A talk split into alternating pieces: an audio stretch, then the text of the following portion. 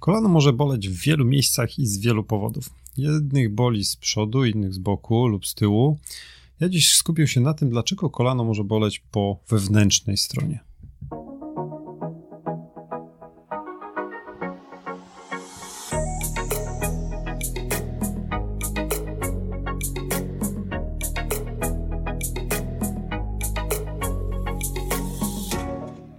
Witam Cię bardzo serdecznie w 11 odcinku podcastu Ortopedia Moja Pasja.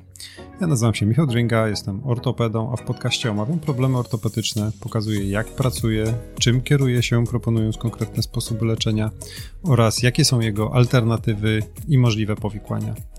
Jeśli interesujesz się ortopedią, szukasz rozwiązania swojego problemu po urazie, miałeś kontuzję lub jesteś z drugiej strony barykady i uczysz się ortopedii, koniecznie wysłuchaj tej audycji.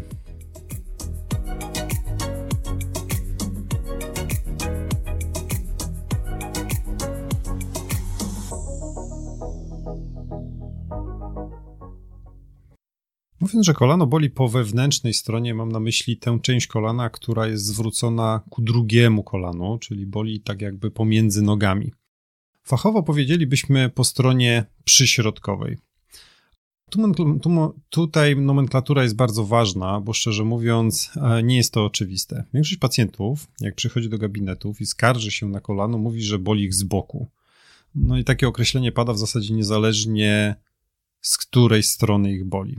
A dlatego na samym początku pragnę tutaj uszczegółowić temat i, użyć, i używać będziemy tylko dwóch określeń. Ból po stronie przyśrodkowej, czyli od wewnątrz, i ból po stronie bocznej. A, czyli przyśrodkowa strona kolana prawego jest z jego lewej strony, a boczna z prawej. Jeszcze raz. Dziś rozważamy ból po stronie przyśrodkowej, tu między kolanami.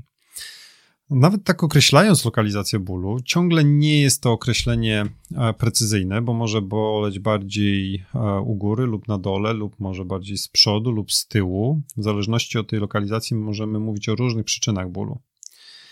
A oprócz lokalizacji miejsca bolesnego, a do bliższego różnicowania przyczyny ważna jest jeszcze informacja o ewentualnie przebytym urazie. Zanim przejdę do omawiania przyczyn bólu, to najpierw jeszcze może słowo anatomii, takiej anatomii palpacyjnej, czyli dotykowej. Kiedy dotkniemy kolano z przodu, to jest okrągła kość zwana rzepką. Zazwyczaj możemy z nią łatwo poruszać na boki, a szczególnie noga jest wyprostowana. Kiedy napniemy mięsień czworogłowy przy wyprostowanym kolanie, to ta rzepka jest pociągana do góry.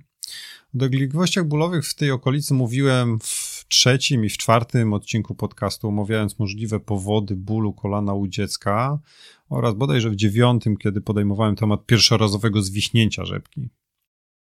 Dotykając kolana po wewnętrznej jego stronie, mniej więcej na wysokości rzepki, możemy wyczuć takie podłużne zagłębienie, jakby rowek, ciągnący się poziomo do tyłu kolana. I to jest szpara stawu, czyli taka przerwa pomiędzy kością udową, która będzie w takim razie powyżej szpary, a kością piszczelową, która będzie poniżej szpary stawu.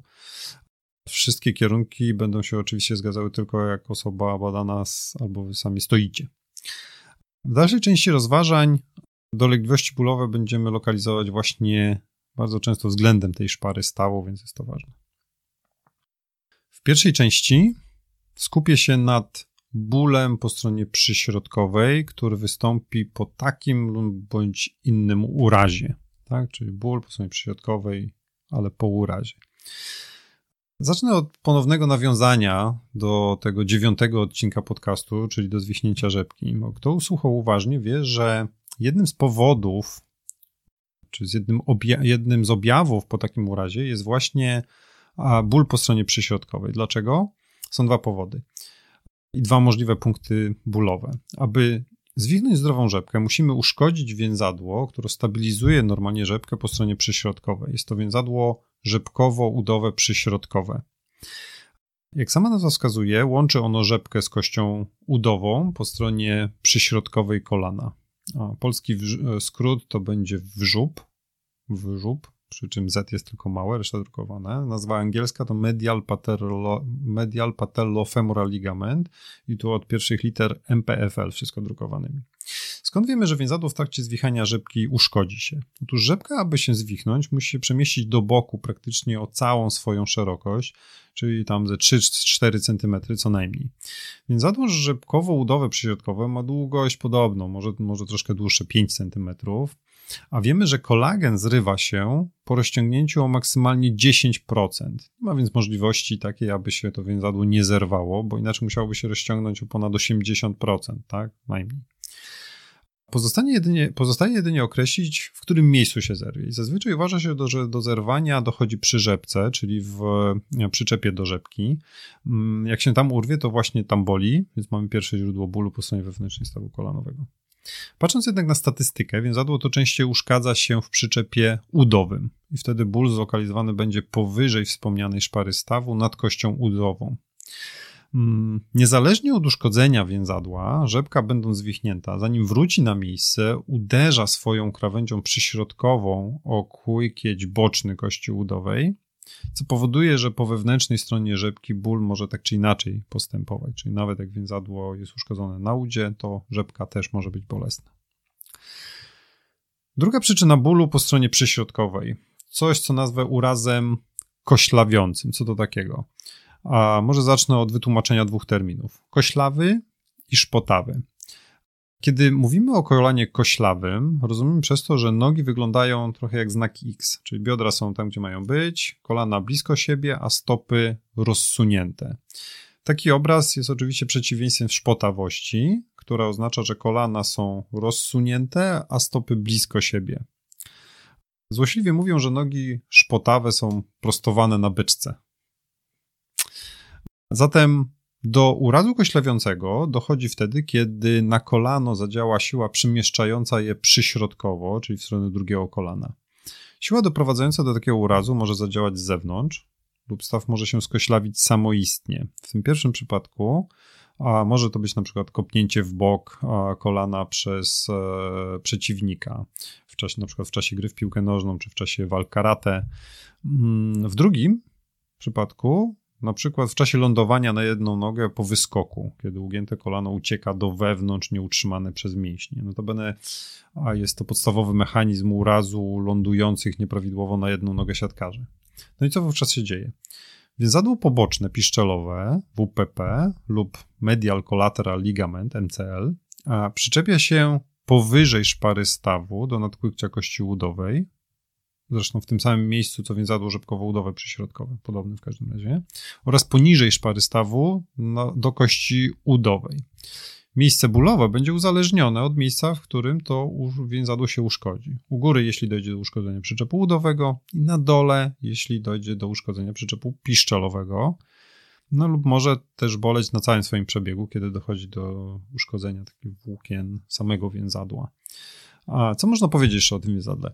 Przyczep budowy czasem e, odrywa się z, razem z kością i wtedy mówimy o złamaniu awulsyjnym, czyli sam, nie tylko samo więzadło, ale jakby z korzeniem się wyrywa. W takiej sytuacji bardzo, znaczy ból jest bardzo mocno zlokalizowany, intensywniejszy niż przy standardowym uszkodzeniu. Mm, co więcej, uszkodzenie więzadła pobocznego piszczelowego może nie być izolowane. W pierwszym odcinku podcastu zatytułowanym Zerwałem więzadło krzyżowe i co dalej, który znajdziesz pod adresem www.drmik.pl ukośnik 001, mówiłem, że istnieje coś takiego jak triada O'Donoghue, czyli jednoczasowe uszkodzenie trzech struktur, więzadła krzyżowego przedniego, więzadła pobocznego piszczelowego i łąkotki przyśrodkowej. W takiej sytuacji powodu do bólu po wewnętrznej stronie mamy jeszcze więcej. W tym wspomnianym odcinku, pierwszym podcastu, dowiesz się o podejmowaniu decyzji co do postępowania w takiej sytuacji. Natomiast ja tutaj dzisiaj, omawiając źródła bólu po stronie przyśrodkowej, w zasadzie nie planowałem omawiać leczenia tych patologii, a w każdym razie nie wszystkich, bo większość z nich chcę omówić w osobnych odcinkach. Hmm, okay. Idę dalej. Trzecia przyczyna bólu po stronie przyśrodkowej a był już ból powyżej i był ból poniżej szpary stawu, to teraz weźmy ból w samej szparze. Co tam jest? A może słyszałeś o łąkotce? Mm, no właśnie, łąkotka. Łąkotki generalnie mamy dwie: przyśrodkową i boczną. A tak jak strony kolana. Po przyśrodkowej stronie kolana będzie więc łąkotka przyśrodkowa i jej uszkodzenie będzie dawało ból właśnie na wysokości szpary stawu. Naciskając tam, ból będziemy nasilali. Ortopeda to w ogóle jest szkolony, by wiedział, gdzie i jak nacisnąć, żeby szczególnie bolało. Są, czyli on wykonuje tak zwane testy łąkotkowe. Tak? Chodzi o to, żeby zabolał. Mechanizm uszkodzenia łąkotki może być oczywiście urazowy, ale równie dobrze przyczyną uszkodzenia mogą być sumujące się mikrourazy lub urazu wręcz nie stwierdzimy. Pacjent może nie kojarzyć urazu, bo czasem trudno jest skojarzyć, że dana czynność mogłaby być powodem uszkodzenia łąkotki. Może to być na przykład nagły obrót na nodze, nagłe przykucnięcie, nagłe wspięcie się na wysoki stopień lub krzesło. W czasie wszystkich tych aktywności wykonanych spontanicznie, łąkotka może nie zdążyć prawidłowo się ustawić i zostaje przygryziona między powierzchniami stawowymi i uszkodzona. Mm, mówiąc o przyczynach urazowych bólu, chyba powinienem jeszcze wspomnieć o zwykłym uderzeniu w przyśrodkową część kolana. Ktoś może się oczywiście sam uderzyć, zahaczając kolaną o coś, mm, o coś twardego. Ktoś może być uderzony przez drugą osobę. A jeśli w czasie takiego urazu nie dojdzie do nadmiernego zeszpotawienia, czyli tym razem wygięcia kolana do boku, odwrotnością koślawienia, Zazwyczaj na bólu się kończy i po paru dniach taki ból przechodzi. Jak przy każdym uderzeniu może przejściowo pojawić się podbiegnięcie krwawe, czyli potoczny siniak. W takim przypadku zimny okład i odpoczynek pewnie załatwią sprawę. Myślę, czy jeszcze jakieś powody bólu po urazie. W notatkach nie mam więcej. W takim razie przejdę do tematu bólu bez ewidentnego urazu. Mówię ewidentnego urazu, bo znowu nikt do końca nie wie, czy przeciążenia nie można byłoby zaliczyć do urazu, albo powtarzanych mikrourazów sumujących się i dających poważne patologie, tak jak to przed chwilą wspomniałem przy łąkotkach. Wypada mi znowu wrócić do wcześniejszych odcinków podcastu, bo chcąc powiedzieć o bólu po wewnętrznej stronie bez urazu, nie mogę pominąć problematyki fałdu przyśrodkowego. Ból będzie lokalizował się w takiej sytuacji bliżej rzepki, wzdłuż jej przyśrodkowej krawędzi, może schodzić do dołu, a nawet czasem w okolice więzadła rzepki to ból, który może występować cały czas, a, będzie nasilany przez praktycznie każdą aktywność. No i właśnie, żeby się nie powtarzać, mm, od razu odsyłam Cię do odcinka trzeciego tym razem, czyli pod adres www.drmick.pl ukośnik 003, a dokładnie do 6 minuty i 31 sekundy nagrania. Tam jest właśnie o fałdzie. Kolejna przyczyna bólu przy środkowej strony kolana zapalenie ścięgien gęsiej stopki. A wiem, że brzmi śmiesznie, ale nic na to nie poradzę, taka nazwa. Tym razem ból będzie występował zdecydowanie niżej, grubo poniżej szpary stawu, na, ale nie na stopie. Gęsia stopka nie ma nic wspólnego z ludzką stopą. Ciągle mówimy o kolanie. A w zasadzie, jak tak sobie macam własne kolano, to zlokalizowany będzie wręcz przyśrodkowo od guzowatości kości piszczelowej, czyli takiej twardej, wystającej z przodu kolana, części kości piszczelowej, do której przyczepia się więzadło rzepki. Pewnie powinienem wyjaśnić, co to jest ta gęsia stopka. Anatomicznie jest to miejsce przyczepu trzech ścięgien: smukłego, półścięgnistego i krawieckiego.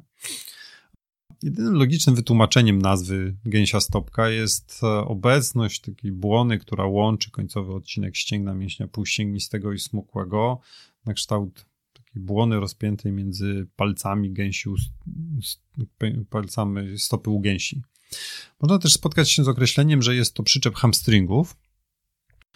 Z angielska hamstring to grupa zginaczy i faktycznie te ścięgna są zginaczami stawu kolanowego, jednak wyróżniają się lokalizacją swojego przyczepu, bo dwa największe zginacze, czyli półbłoniasty i dwugłowy, przyczepiają się z tyłu goleni, odpowiednio do kości piszczelowej i strzałkowej a te omawiane z przodu.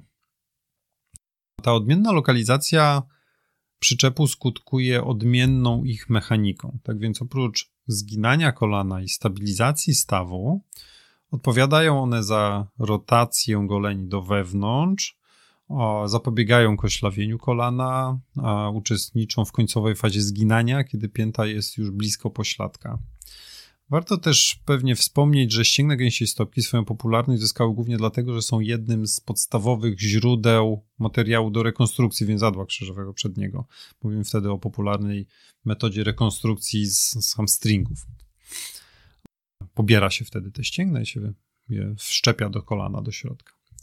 Zapalenie w obrębie przyczepu tych ścięgien może powstać w wyniku intensywnego treningu zginaczy lub przy przeciążeniach u osób z koślawymi kolanami, nadmierną pronacją stóp, czy zwiększoną rotacją wewnętrzną w obrębie bioder, przykład w wyniku osłabienia mięśni pośladkowych i stabilizacji miednicy. Miednica wtedy opada, a kolano nie dość, że się koślawi, to jeszcze rotuje do wewnątrz, no i to wszystko razem przeciąża hamstringi. Po czym jeszcze po treningach, po błędach treningowych, takich jak brak rozgrzewki, treningach pomimo innych patologii, przy złej technice, przy nieprawidłowo dobranym obuwiu. Wśród sportów, które predysponują do wystąpienia zapalenia hamstringu, wymienię przede wszystkim bieganie, piłkę nożną, pływanie, sporty Mm, w czasie których zawodnik dużo rotuje golenie, czyli na przykład tenis. Ja osobiście często obserwuję objawy u osób po różnych operacjach, chodzących o kulach, z osłabionymi mięśniami. No jaki to ból będzie? Występować może on cały czas. Nasilać się będzie przy początku aktywności, czyli po takim zastaniu, potem może być nieco lepiej, mniej wyczuwalny i znowu nasili się już po odpoczynku. Oprócz samego bólu nad przyczepem może też pojawić się obrzęk dyskretny, ale jednak tak, i przy ucisku też będzie bolesność. Co w takiej sytuacji należy zrobić? Oczywiście eliminujemy przyczynę, czyli modyfikujemy trening, e, analizujemy buty. Aby ulżyć w bólu, robimy zimne okłady w e, miejscu bolesnym, smarujemy żelami przeciwzapalnymi lub przyklejamy takie specjalne plastry, które uwalniają lek przeciwzapalny, przykład Dolphin Patch. Do tego rozluźniamy mięśnie z wyszkolonym fizjoterapeutą i rozciągamy je. Wzmacniamy wszystkie te mięśnie, których osłabienie mogło doprowadzić do przeciążenia hamstringów, a, czyli przywodziciele, mięśnie pośladkowe i rotatory zewnętrzne uda, głowa, głowa przyśrodkowa mięśnia czworogłowego. Mm, pomocna może być również miejscowo działająca fizykoterapia.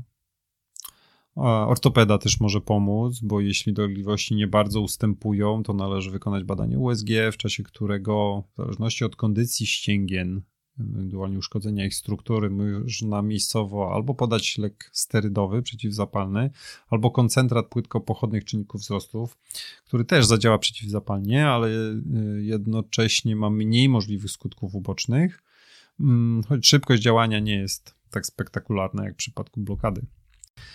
Ostatnia ważna rzecz. Jeśli takie objawy pojawiły się u osób intensywnie trenujących, warto wykonać badanie biomechaniczne z analizą stereotypu ruchu, aby móc e, odchylenia skorygować i nie doprowadzić do nawrotu objawów w przyszłości. W klinice, w której pracuję, taką analizę wykonujemy na specjalistycznym sprzęcie nazwanym DIRS 4D, który pozwala na całko w całkowicie bezpieczny sposób uzyskać kompleksowy obraz trójwymiarowy układu mięśniowo-szkieletowego człowieka zarówno w statyce, jak i podczas ruchu. A więcej o tym badaniu możesz dowiedzieć się na stronie Mirai, czyli www.irmirai.pl, a link oczywiście zamieszczę w notatkach. Ostatnia przypadłość powodująca ból po stronie przyśrodkowej to zmiany zwyrodnieniowe, a więc taki wielki worek, do którego wrzucę uszkodzone powierzchnie chrzęsne, osteofity, obrzęk przyśrodkowego kłykcia kości udowej i piszczelowej, uszkodzoną łąkotkę, szpotawość kolana. Ból w takim przypadku może wynikać w zasadzie z każdego z tych elementów i chyba najbardziej niedocenianym z nich jest obecność obrzęku kostnego. Mam wrażenie, że to najgorszy scenariusz z wymienianych e, do tej pory, wymagający do, do, e, dokładnej diagnostyki oraz rozsądnej decyzji co do postępowania. Jest to o tyle ważne, że w zależności od stopnia uszkodzenia struktur po stronie przyśrodkowej, ale i całej reszty kolana, w zależności od wieku pacjenta, odchylenia osi obciążania kończyny, Mm, sposobów leczenia można zaproponować co najmniej kilka. W grę wchodzą oczywiście metody zachowawcze, jednak zazwyczaj należy liczyć się z koniecznością leczenia już stricte operacyjnego. Z racji obszerności tematu, myślę, że ta zajawka w temacie bólu przyśrodkowego wystarczy, wystarczy a o całości problemu zmian zwyrodnieniowych przydziału przyśrodkowego i sposobach jego zaopatrywania powiem już w jednej z najbliższych audycji. Na tym chyba dzisiaj zakończę. Niezmiennie zachęcam każdego słuchacza, każdego z Was do pozostawienia jakiegoś komentarza e, do tego materiału czy to na stronie tego odcinka, czyli www.dermic.pl ukośnik 011, czy na kanale YouTube Dr Mick, na którym może oglądasz tę wypowiedź. A może o czymś nie powiedziałem, czegoś zabrakło, z czymś się może ktoś nie zgadza, fajnie byłoby podyskutować. Proszę też o oceny, oczywiście w serwisach podcastowych. Teraz już dziękuję. Dziękuję Ci za wspólnie spędzony czas. Jak zwykle życzę wielu udanych, zdrowych i bezpiecznych aktywności sportowych. A dodatkowo, ponieważ ten odcinek pojawia się tuż przed świętami Bożego Narodzenia, dodatkowo życzę Ci skutecznego realizowania własnych planów. Do usłyszenia.